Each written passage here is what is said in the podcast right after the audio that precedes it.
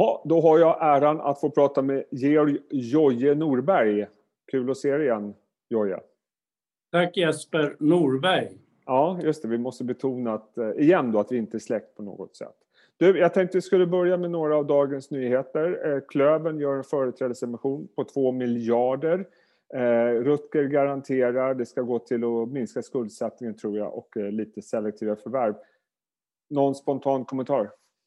Ja, lite så spontan kommentar är ju då att Rutger han är ju en väldigt kul typ.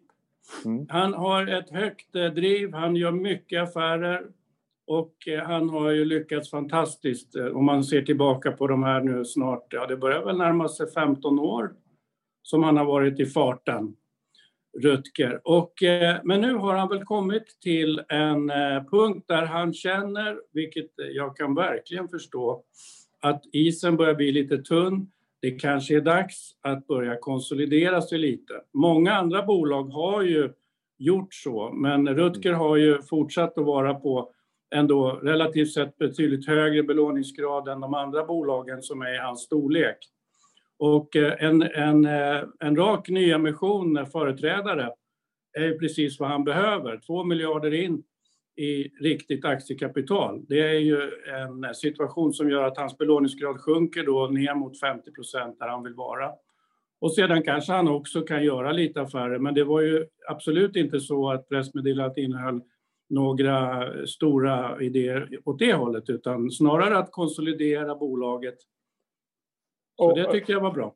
Aktien är faktiskt ner när vi pratar du och jag i alla fall, 4% Jag vet att det varit lite kritik eh, från vissa håll om att skuldsättningen har varit för hög i det här bolaget. Men eh, hur tolkar du det, att den är ner? Det, jo, det tolkar jag helt enkelt som att det här är också en lite grann småspararfavorit. Mm. Och eh, då, då tänker då småspararna helt rätt här. De tänker så här, oj då, nu vill han ha mera pengar. Mina pengar! Jag säljer några aktier. Ja, Okej. Okay. Men i långa, stora hela så tycker du att det är en ganska smart drag av Rutger helt enkelt? Ja, det är ett, eh, det är ett välbehövligt drag. Och sen eh, Alison Kirby, hon kör på får man väl säga i sin nya roll som VD för Telia. Man säljer Carrier för 10 miljarder nästan.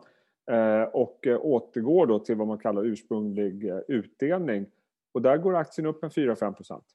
Ja, den går upp 5,03 innan vi satte oss här procent och det är välförtjänt. Nej, jag är enormt imponerad. Eh, när jag såg det här eh, att äntligen då den gamla ledningen då med vdn där byttes ut eh, så kände jag att bra, nu ska jag nog ha Telia igen. Då tänkte jag, jag väntar lite här för det tar ändå längre tid, hon har ju lång uppsägningstid och sen så ska hon komma in där.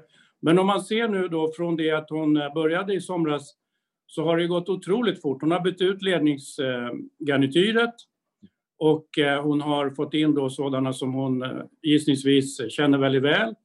Och redan nu i, ja, vi har ju bara precis kommit in i oktober, så annonserar hon en affär out of the blue som ingen hade ens tänkt på. Det här lilla delmängden av Telia har man ju glömt bort att den finns. Om vi går tillbaka en massa år så var ju det här eh, fantastiskt. Det målades ju upp eh, eh, otroliga möjligheter med ett carrier-nät, ett backbone. Här ska det tjänas pengar och så vidare. Men sen har ju det fallit lite i glömska, men den där tillgången har ju legat där och puttrat på.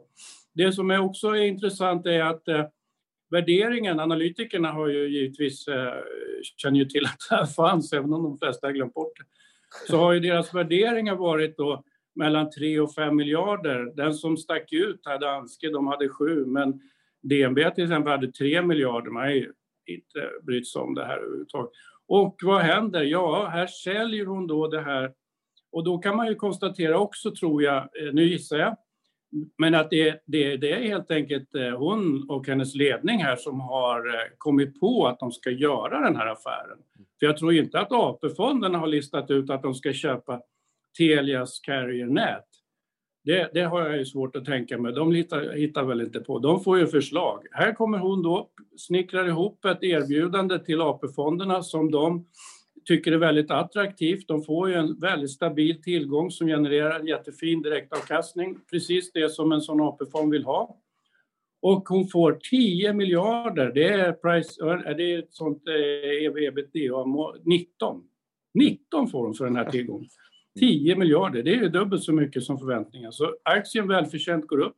Dessutom, de här pengarna gör att hon kan minska skuldsättningen som har varit lite för hög och sedan också återinföra utdelningen 2,45 här. Så att helt plötsligt är Telia tillbaka där den ska vara, levererar en fin utdelning. Det är en yield-aktie. Ja. Så bara applådera. Bara applådera Allison. Du, jag tänkte på en annan aktualitet. Och Igår... för säkerhets skull ja, så köpte kör. jag ju aktier till Sverigefonden här i somras. Ja, men det är klart. Ja, så det, det gjorde mig ju förstås extra glad. Annars så skulle, om jag hade tänkt jag ska köpa när Allison har blivit mera varm i kläderna, men här mm. går det undan. Här går det undan. Och, och, du, apropå om vi ska hylla dig lite mer då. Jag, jag, misstänker att du även har köpt den gamla doggen Hexpool som kom med en omvänd vinstvarning igår, eller hur? Ja, det, det har jag ju gjort. Hexpool står mig ju extra varmt om hjärtat eftersom den förre vdn hette ju Georg ja. Brunstam. Och han byggde ett bolag som är helt fantastiskt. De uppnår i den underleverantörsbranschen marginaler som är helt unheard of. Han har haft alltså mer än 10% marginal där alla andra får mellan 3 och 5 Mm. i den stenhårda bilindustrin för sina polymerlösningar. Men det är ju för att han satsade på kvalitet. Och eh, bilbolagen vill inte att det ska börja läcka in vid dörrarna.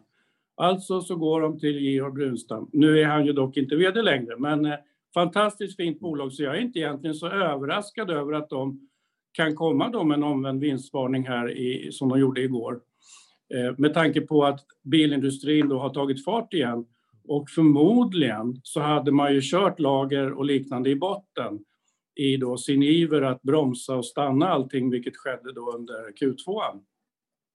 Det, känns som eh, inför den här omvända vinstvarningen så har jag hört flera som har liksom sagt att, det, att man har liksom väntat in att det skulle komma något sånt här. Håller du med? Ja, eh, det här hänger nog ihop med att eh, eh Rulle har suttit i DI-TV och babblat lite grann om det här. ja. och, så då har alla förstått att eh, när, han, när han berättar något så ska man lyssna. Ja, ja men det är väl ja. så. Du, annars då, tankar inför Q3? Nu vi, industrivärlden kommer rapport idag, det börjar smyga igång. Det känns som omvända vinstvarningar har duggat tätt. Ja, det kanske vi kan hinna förvänta oss att få ytterligare någon eller några. Eh, det som är så imponerande nu för tiden är ju just det där med att bolagen vet precis någon dag efter att kvartalet är slut hur det ungefär ser ut. Så var ju inte fallet förr när man sammanställde saker och ting på papper. Nu tycks det som att man trycker på någon knapp och så får man ut resultatet. Eh, vilket innebär att många inser ju då att de ligger fel i förhållandet, eller ligger bättre då än, än vad vinst eh, Eh, är i marknaden. Så var det ju då med Hexpol. Vi kan säkerligen få några till.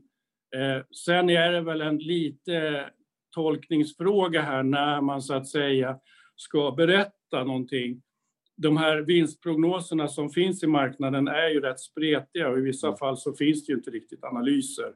Så eh, några till kanske vi kan förvänta oss och då är det väl typiskt sådana här bolag där svingfaktorn har spelat in Eh, analytikerna har ju en tendens att alltid överskatta. Vad som ska komma. Förutom vid de få tillfällen som vi har upplevt när vi har haft en sån här lågkonjunkturell rörelse. I det här fallet så hade vi en chockartad pandemi. Men det samma sak hände ju då förstås också 2008 när vi fick finanskrisen. Under 2009 så så fick vi ju samma situation där analytikerna låg för lågt så att säga. Då. Men annars så ligger de generellt alltid för högt. Mm. Och nu ska de ju, nu ska de ju skynda sig att ändra så att eh, det här Q3 blir ju lite roligt på det viset. Ja, eh, ruskigt spännande. Du, eh, annars då, vad känner du? Börskänslan, det känns som det skvalpar lite grann men det skvalpar i riktningen uppåt. Eh, ja, det är väldigt starkt. Marknaden är otroligt stark. Det finns så jäkla mycket pengar där ute. Mm. Det är ju så att eh, eh, när klockan blir halv sex, då kommer sms från eh, ett, en eller tre varje kväll. Bolag som på något sätt gör någonting. Vanligtvis är det då det, är, antingen är det placings, alltså någon som vill gå ur och så ska det placeras ett större block. Eller så är det någon form av riktad emission eh, det kan också vara så nu när jag intresserar mig även för Norge och Finland här då, men då Finland ligger lite för, eller Norge menar de stänger ju sin börs lite tidigare där. Mm. Nor norska börsmäklarna vill ju inte jobba ihjäl sig, de vill ju hem till familj. Så därför kommer det ju lite sådana här sms från Norge då eh, också eh, vad det gäller placings. Så, och det här är ju tecken på att vi är i slutet av en, en börscykel om jag ska försöka eh, tolka historien då. Eh, ofta när vi är i slutet så kommer just den här situationen att man har eh, eh, många eh, möjligheter då att eh, ja, stuva om, gör, ta in nya pengar och liknande. Så jag tolkar det lite som att vi är i slutet av en börscykel. Men samtidigt, då, om vi tänker efter nu, centralbanken har garanterat oss att räntorna ska vara låga och de ska fortsätta att göra allt i sin makt. Det känns som kreditmarknaden börjar funka igen. Alla handlar aktier, mycket pengar på sidlinjen, positiva vinstvarningar. Vad talar egentligen för att vi ska vända ner eh, och vad är det som ska trigga det i så fall? Ja, det är just det som du nu sa som talar för att eh, när alla stjärnor står rätt, mm. vilket de då återigen gör vad det gäller börsen, så är det ju alltid så att då händer det någonting. Och den stora saken som skulle kunna hända, men inte har hänt, det är ju att vi skulle få någon form av inflation igen. Mm. Eh, och då eh, har jag ju inga belägg för det givetvis, men en eh, liten spaning där skulle ju vara Feds senaste protokoll där de ändå talade lite om den möjligheten eftersom de sa att vi kan tillåta oss att ha en högre inflation under ett antal, eh, eh under någon period därför att vi har haft så låg så länge. Eh, varför gör man det uttalandet? Ja, en tanke här, den här är lite långsökt, men det skulle ju då kunna vara så att om vi nu får ett vaccin som eh, snabbt kommer ut här från årsskiftet och under första halvåret så skulle det ju faktiskt kunna uppstå en brist på arbetskraft som möjligen skulle kunna göra att vi får någon form av löneglidning. Därför att eh, ekonomin tuffar ju på så otroligt bra i och med eh, att räntorna är låga, till exempel. Det finns också ett uppdämt, uppdämt behov då i, i, USA säkerligen av att konsumera mycket och liknande. Så eh, eh, inflation, skulle det kunna bli det? Ja, kanske. En annan sak som jag också spanar lite åt det är ju österut då. Kineserna har ju exporterat till oss i väst deflation under minst 20 års tid. Det är mycket därför vi har utrotat inflationen eftersom de har producerat sakerna billigare än vad vi kunde göra. De har ju också slagit sönder mycket av vår tillverkningsindustri. Vi har ju bilindustrin kvar i Europa, delvis åtminstone. Det är det sista fästet vi har då så att säga. Otroligt viktigt. Otroligt viktigt. Skulle det kunna vara så att de eh, då kan exportera lite inflation till oss därför att eh, Kina börjar ju bli en man kan väl inte säga att det är ett utvecklingsland längre. Visserligen tycker väl Sida det, vilket är rätt märkligt, men, men eh, eh, bortsett från dem då så har de flesta ser väl dem som en stor stark konkurrent och med diktatoriska inslag också, vilket kanske inte är så trevligt. Men eh, har de någon form av löneglidning? Är det så att de inte kan fylla på med billig arbetskraft från inifrån landet längre? Skulle det kunna vara så att de börjar exportera lite inflation till oss så skulle det också kunna hända eh, någon gång framåt här. Och eh, det är ju egentligen det enda då som är så att säga, hotet mot börsen, att räntorna går upp lite grann. De, de, kan ju förstås gå upp lite grann utan att något händer, men om det är så att vi får ett trendbrott så brukar börsen vara väldigt intresserad av sådana trendbrott. Hittills ingenting, men man vet aldrig. Det är väl en spaning jag har. Och utifrån det här då, eh, dina tankar, hur, hur ligger du själv positionerad då? Med det här? Ja, då så ser du ett stort leende och det är ju att jag är en lång förvaltare. Ja, ja. Vilket är Ingen daytrader? Nej, det... Nej, det, det, det, det är lika usel på som jag är på att spela dataspel. Mm. Vi, vi som är födda före 1973, vi spelar inte dataspel. Nej, det har jag fått lära mig av Starbreeze-grundaren, eh, för jag ställde den frågan till honom och alla var väldigt nyfikna på svaret och det var just det, 73. Då kom det där Gameboy tydligen om man då var... Jaha. Okay. Ja, det, i det är början därför jag är så usel på när jag försöker göra det här med spela Ja, med så- grabbarna. Så vi kom aldrig in i det. Vi lekte med kottar och tändstickor. Ja, det gjorde vi mycket. Men du, Eh, ja. vad hade du för positioner då, utifrån det här? Uppenbarligen... Jo, men only aktier. skulle jag ju prata om. Ja. Nu Ja, det. svävade jag ut lite här. Det är så när man blir äldre börjar man gå i barndom. Och jag vet. Ja, du vet. Nej, men eh, för att knyta ihop säkert. Long only, vad var det som var så bra med det? Jo, jag är ju investerad. Och om vi tittar på den här börsrörelsen som vi fick i år så har vi kunnat se ett antal väldigt intelligenta eh, förvaltare helt gå bort sig. Och det är ju sådana som har litat på sina algoritmer. Det enda som hände var att de blev utstoppade när börsen föll, men sen kom de aldrig in igen. Så vi har ju sett, eh, eh, ska väl inte namnge några här, men vi har ju sett några stycken som får helt ändra sin eh, investeringsfilosofi och lägga ner fonderna helt enkelt. För att de har ju performat uruset, de har ju minus 20 procent och liknande. Men det, så är det inte för min del. Eftersom jag var långårig så var jag med när det vände upp och jag fick dessutom insättningar så jag kunde trycka på lite extra. Så det har gått helt fantastiskt och det här är ett riktigt bra år för de två fonder jag sköter. Vad, Sverige vad har du för eh, aktier som du vill lyfta fram då? Ja, mina hårda bets där eh, är ju då, jag kan väl lyfta fram tre då. Ja. Det är Millicom och jag börjar med den då, därför där har det inte hänt någonting. Men jag tror den är helt felvärderad. Ja. Och jag tyckte också när jag såg att Viggo Karlund, den gamla nestorn i, i Kinnevikssfären, eh, gick in eh, tungt och köpte. När han handlar då, då rör det sig, så att säga, han kommer ju med i ägarlistorna då. Han har ju lite mer pengar än, de, än oss vanliga. Eh, och eh, på fråga då så fick, som han fick så sa han ja, jag tror det där blir bra på ett par års sikt. Och eh, det, är ju, det är ju Sydamerika, det vet vi ju inte så mycket om, med Colombia och så vidare. Men telefonen är ju oerhört central och i synnerhet i utvecklingsländer, för det är ju det de har där. Så att eh, Millicom eh, tror jag är en sleeping dog, eller en sleeping beauty då, den, den kommer. Inget har hänt ännu. Eh, Det andra som jag vill eh, ta upp eh, är ju då Saab. Där har jag också en position. Vi kanske inte ska gräva ner oss i det, eh, men vi kan ta en... eh, Den Men du, får jag, fråga om, får jag Ja. fråga om Saab bara? Det här är ju Ja. liksom en... Det har vi pratat om förut du och jag. Det här är ju en ESG-torsk. Ja. Eller hur? Och som det ser ut nu så finns ju ingenting som talar för att den trenden skulle vända. Vad gäller den här hållbarhetsinflöden till hållbarhetsfonder och ESG. Liksom, är det inte dags lite grann att kill your darlings? Ja, och lämna den där eller? Ja, ja, jag skulle kunna göra det. Men jag, jag är ju långsiktig och jag tänker Mm. så här. Jag äger hellre den här aktien på fel värdering Okej. än att jag ger mig in i tillväxtbolag. För det här är ju ett techbolag egentligen. Det är Sveriges finaste ingenjörsföretag. Men sen eh, så tillverkar de ju då fel saker i förhållande till ESG.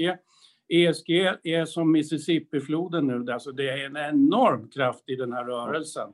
Men jag tänker att vi ska kunna se nya placerare som hittar det här bolaget och de finns i USA. För där har man inte på samma sätt eh, den här synen och vapen där ser man på ett annat sätt. Det är, det är nummer ett. Och det andra är att det finns otroligt mycket fler typer av investerare där. Mm. Så jag tänker att när då Red Hawk, skolflygplanet, börjar ploppa ut ur fabrikerna där tillsammans med Boeing, då kommer man att hitta det här bolaget Saab. En annan variant som jag också skulle kunna tänka mig faktiskt, det är att Wallenberg helt enkelt på något sätt kan hitta någon partner och köpa ut bolaget från börsen. För att om det är så att ESG eh, är Mississippi-floden, ja då kommer ju värderingen aldrig att bli intressant. Och till slut blir det ju så billigt så att det här bolaget levererar ju enormt fina utdelningar, kassaflöden och det finns också väldigt stora värden i den balansräkningen. Det här är ju ett gammalt klassiskt svenskt bolag som vi egentligen inte har några kvar. De flesta har ju varit utsatta för olika former av gardellska intåg eller riskkapitalbolag som har strippat bolaget på sina substansvärden som vi talade om en gång i tiden. Det här bolaget har ju allting kvar. Så att eh, det är också en, en möjlighet. Sen tror jag faktiskt att bolaget nu av egen kraft också kommer att leverera så bra kvartalsrapporter framåt här som gör att man ser att de går mot den här marginalmålet 10% De har ju varit inne i en enormt tung investeringsfas där de haft de tre stora projekten samtidigt. Nu är alla tre i försäljningsfas och leveransfas.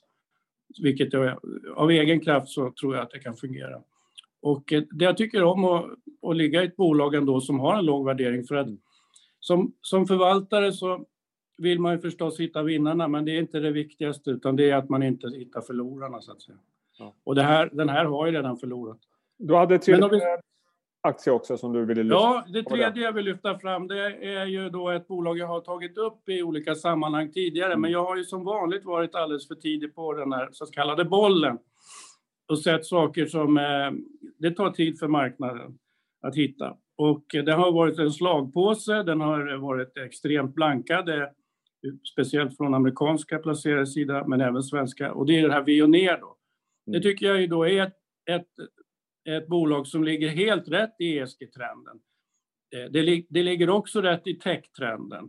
Och det ligger rätt tematiskt vad det gäller det som håller på att hända med elektrifieringen av vår, våra bilar. Den aktiva säkerheten kommer att få en mycket större roll än vad den har haft tidigare eftersom det är så briljant att kombinera 5G med uppkopplade bilar och liknande. Så att eh, bolaget är ju nu i början på att leverera från sin eh, stora orderstock och har också vunnit priser i olika sammanhang för sina innovativa produkter. Det som var det så att säga förlösande som gjorde att kursen nu äntligen gick norrut, den har ju gått söderut från 500, den var nere i 80 kronor. Börsvärdet var helt utraderat. Eh, och nu ligger den i 147. Eh, det är då det faktum att de fick, det ska jag berätta lite mer om. De ägde ju 50 procent av Zenuity och den andra 50 procenten ägde ju Volvo Cars. Volvo Cars ägs av kineser. Det här valde ju Jan Carlsson att gå ur därför att han har ju helt enkelt inte råd att hålla på med det längre. Plus att de hade ju fått ihop en del mjukvara. Det var ett rent mjukvarubolag. Och när han då väl eh, desinvesterade det här, då knackade faktiskt Qualcomm på dörren hos honom och frågade, vill inte ni ha vårat chip och göra autonomous driving? Så det är väldigt intressant. Alltså de har inte varit intresserade när det fanns en Kina-koppling här, men nu när den var borta så var Qualcomm intresserade och då får Veoneer precis det de behöver. Den stora konkurrenten på området, Intel, köpte ju Mobileye. Mm. Och eh, de ska väl inte få vara ensamma om, om att eh, tillhandahålla det här. Så att eh, Veoneer tar upp eh, eh, då, eh, jakten, kampen kring eh, autonomous driving. Och det är upp till level 4 då med det här chippet och Veoneers eh, kunskaper kring det. Skulle, det, skulle Autoliv ja. ha behållit Veoneer? Ja, i, ja, det är klart de skulle. Det här mm. var ju alldeles för tidigt. Man släppte ju ut det här alldeles för tidigt. Men det får man nog skylla på den där Gardell då. För han var väl alldeles för eh, pådrivande där och det fanns kanske inte några starka ägare vid sidan av honom som... Det, det som är det glädjande i sammanhanget just då, om vi ska tala om honom, det är ju då att han har inte sålt sina aktier så att han har ju fått mm. se den där kursen 500 och han har också fått se 80 kronor och han får ju glädja sig nu åt 147. Och eh, sannolikt kommer han att få se 220 ganska snart också. För det här kommer att gå riktigt bra, så det är inte för sent att hoppa in i den där. Så det är mitt största bett. Det är det? Ja. Häftigt. Ja, det ja, blev men... det eh, på grund av kursuppgången alltså. Ja, ja, okay. Så jag får sälja på passive breach här. du, det är uh, Joja... våta dröm. Är det så? Ja. ja, för fan. Det är det. Du... När de ringer från compliance och säger de för mycket, då vet man att det är bra grejer. Har man gjort någonting rätt? Ja. ja. Du, eh, Joja, kul att snacka med dig. Ja, Kul ja, att snacka med dig eh, Jesper. Du ser härligt hälsosam och eh, fräsch ut tycker jag. Ja, jag försöker hålla mig undan från äh, människor. Så det, det, är det, här, det, är det, det, är det här sättet att kommunicera som gäller nu. Ja, jo, jag vet. Uh, har gjort det ett tag. Lär göra det ett tag till tror jag. Du, mm. uh, sköt om det. Samma. Ha det bra. Tjena. Tack. Hej.